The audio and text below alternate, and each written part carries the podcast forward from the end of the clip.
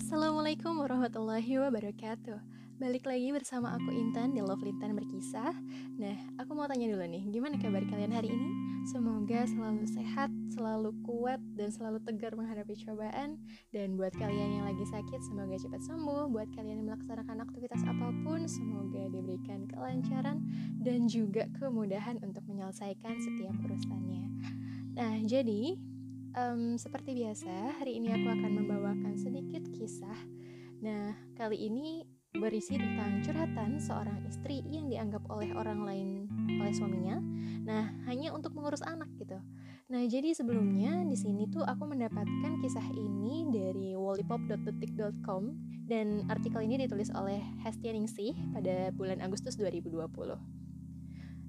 Nah, gimana sih ceritanya? Kita langsung masuk aja yuk ke ceritanya.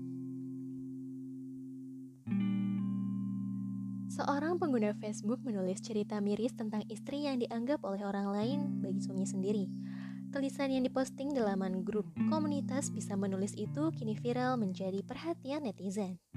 Berawal dari kisah yang ditulis pemilik akun Lania Yandri Prihasti dengan judul Aku Hanya Orang Lain Yang Kebetulan Diurus Suamiku, nasib seorang istri dengan nama samaran Yanti ini membuat netizen prihatin. Pasalnya, sang suami hanya menganggap dia sebagai orang lain yang mengasuh anak-anaknya, bukan sebagai keluarga. Begini ceritanya. Assalamualaikum. Waalaikumsalam, Pak. Ini Bu, jatah bulan ini. Iya, terima kasih, Pak. Begitulah. Aku Yanti, ibu rumah tangga yang sudah 10 tahun dititipi uang belanja oleh suamiku hanya dititipi sebesar 3 juta rupiah, karena uang itu hanya boleh dibelanjakan untuk ke pasar, jajan dua anak, dan kebutuhan rumah lainnya. Tidak ada hakku, aku hanya harus pintar-pintar mengirit uang supaya ada lebihan untuk kebutuhanku sendiri. Anak pertamaku berusia 8 tahun, anak keduaku berusia 2 tahun. Entah berapa gaji suamiku, aku tidak pernah tahu Pokoknya, jatahku tiga tahun terakhir ini hanyalah 3 juta. Awal-awal pernikahan hanya satu juta. Tahun-tahun berikutnya naik jadi 2 juta, kemudian 3 juta sampai sekarang. Suamiku seorang karyawan bank yang sudah bekerja selama kurang lebih 15 tahun. Posisinya saat ini di bank adalah sebagai pemberi kredit kepada nasabah. Satu-satunya angin segar adalah ketika suamiku mendapatkan THR dari kantornya Biasanya aku diberi jatah sekitar 2 juta untuk belanja keperluan buat lebaran, seperti baju untuk aku dan juga untuk anak-anakku. Dari semenjak berumah tangga, suami tidak pernah terbuka soal keuangan. Pernah suatu saat, saat itu kami pulang kampung ke rumah mertua. Orang tua suamiku di Jawa Tengah. Kebetulan hanya tinggal ibu mertua saja yang tinggal bersama adik suamiku yang juga janda. Ketika itu suami memberikan uang 50 ribu padaku. Uang itu maksudnya adalah untuk diberikan kepada ibu mertua melalui aku sebagai istri. Aku pikir tidak pantas memberikan uang tua orang tua hanya sekitar 50 ribu rupiah saja, apalagi kami jarang pulang kampung. Akhirnya, aku tambah dengan uang belanjaku sebesar 150 ribu, sehingga aku memberikan 200 ribu kepada ibu mertuaku.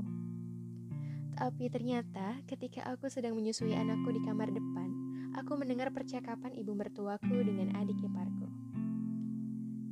Ibu dua nahi piro mas adi? Dua nahi sejuto. Tapi yanti yo nahi meneh rongatus. Saat itu aku sangat kecewa. Bukannya melarang suami memberi uang kepada ibunya, tapi kenapa harus ngumpat-ngumpat sih di belakangku? Di depanku seolah-olah hanya memberi 50 ribu, tapi di belakangku, suamiku memang bukan orang yang boros. Aku tahu uang gaji dan bonusnya ia tabung. Untuk kebutuhan anak-anak pun memang tidak pernah pelit. Asal minta, pasti dikasih. Karena itulah, kadang aku sedikit korupsi. Misal, anak-anak hanya butuh 200 ribu, aku minta 300 ribu. Uang lebihan itu aku simpan, untuk aku berikan juga sewaktu-waktu jika mengunjungi orang tuaku. Karena jika gak begitu, suamiku gak pernah pengertian untuk memberi uang kepada orang tuaku ketika kami berkunjung. Bahkan saat suatu saat uangnya itu dititipkan padaku tidak cukup sampai akhir bulan, pasti keluar kata-kata pamungkasnya. tanggal segini kenapa udah habis aja? Jangan boros-boros dong, Bu. Aku bukan tipe istri yang suka foya-foya. Pakai skincare pun aja nggak pernah. Beli baju juga cuma saat lebaran. Tapi kenapa suamiku sangat tertutup untuk urusan keuangannya? Takut aku habiskan? Iya, begitu. Kadang jika sedang jengkel, aku suka marah. Sering aku bilang pada suamiku, kalau istri nggak boleh tahu, nggak boleh nikmatin uang suami, buat apa kamu nikah? Mendingin baji, mendingan bujangan aja terus, biar bisa nikmatin uangnya sendiri. Tapi, ya begitulah suamiku. Yang sampai 10 tahun pernikahanku tidak pernah aku tahu berapa gaji suamiku, berapa bonusnya, berapa THR-nya, dan berapa saldo tabungannya. Dan kemarin aku dapat info dari temanku, suamiku berkomentar di salah satu grup bahwa anak adalah darah dagingnya, sedangkan istri hanyalah orang lain yang kebetulan harus diurus. Ya Allah, tak bisa ku bendung lagi air mataku. Sesak dadaku, sakit hatiku. Pantas selama ini suamiku sikapnya seperti itu. Ternyata selama ini 10 tahun loh aku mengabdi, hanya dianggapnya sebagai orang lain. Dalam catatan penutupnya, sang penulis mengklaim bahwa cerita yang ditulisnya itu berdasarkan kisah nyata, dengan perubahan nama, tempat, kejadian, dan sedikit dibumbui fiksi. Kisah wanita menjadi samaran Yanti itu diunggah pada tanggal 6 Agustus 2020 yang ternyata dapat mengundang reaksi banyak netizen. Ada juga loh yang ikut emosi, sedih, hingga tidak habis pikir dengan prinsip yang dipegang suaminya.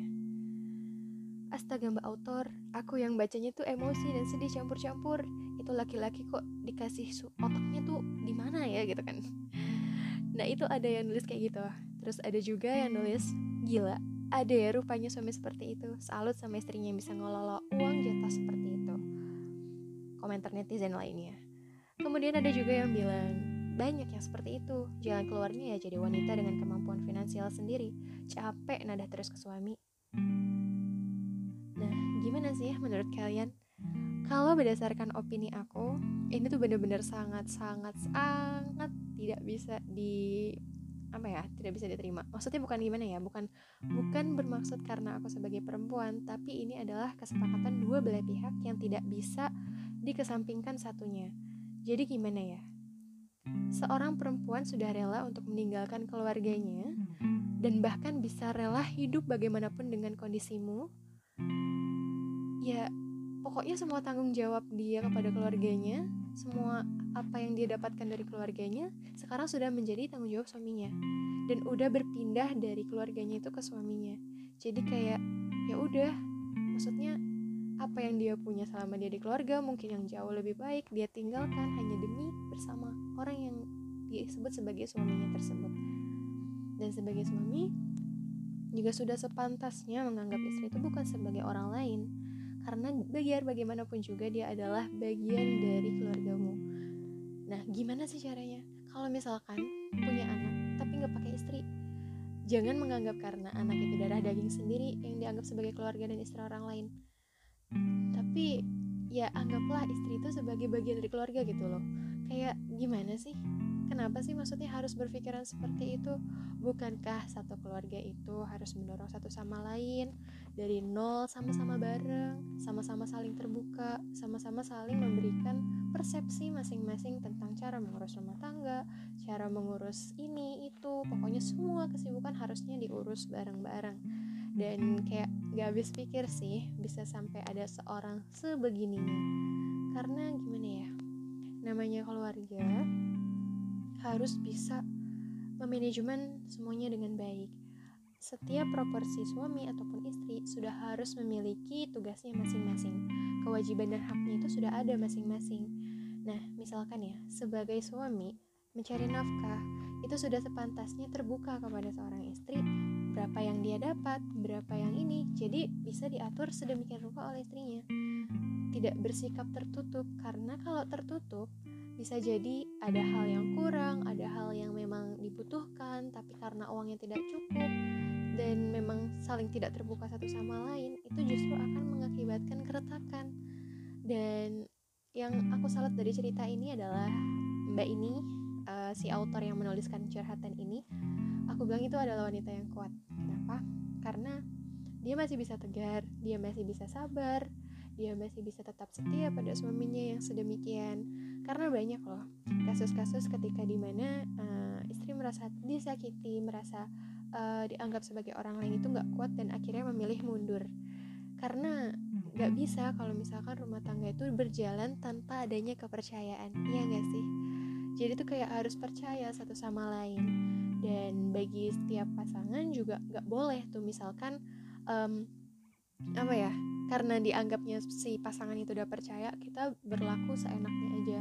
Kayak misalkan kita mengumpetkan sebagian rahasia kita terus kayak misalkan kita berlaku sesuatu hal yang memang tidak sepantasnya dilakukan atau misalkan kita menutupi sebuah uh, kejadian yang memang seharusnya diceritakan itu bukannya kayak gitu ya saling percaya.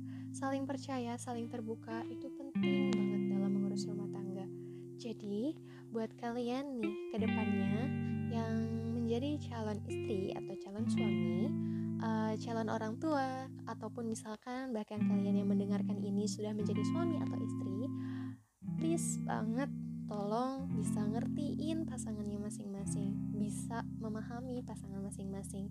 Jadilah orang yang terbuka, orang yang fair, orang yang saling bisa um, berdiskusi tentang bagaimana ke depannya, tujuannya seperti apa. Jadi biar semuanya itu berjalan dengan lancar, satu tujuan dan harmonis gitu. Kayaknya itu aja sih opini aku. Kalau misalkan kalian punya opini lain ya silahkan karena setiap kepala itu memiliki opini yang berbeda-beda bukan? Nah, jadi aku harap dari kisah ini banyak uh, pelajaran yang bisa kita ambil dan aku juga berharap semoga ke depannya nggak terjadi lagi kasus seperti ini. Kalau misalkan memang tidak tidak ingin terbuka, ya berilah sepantasnya gitu. Jangan jangan terlalu sedikit atau apa gitu kan karena mengatur keuangan itu tidak mudah gitu. Jadi ya gitu aja sih pesan aku buat kalian uh, have a nice day for you dan semoga hari-harimu terus menyenangkan hari ini besok dan seterusnya so see you on the next podcast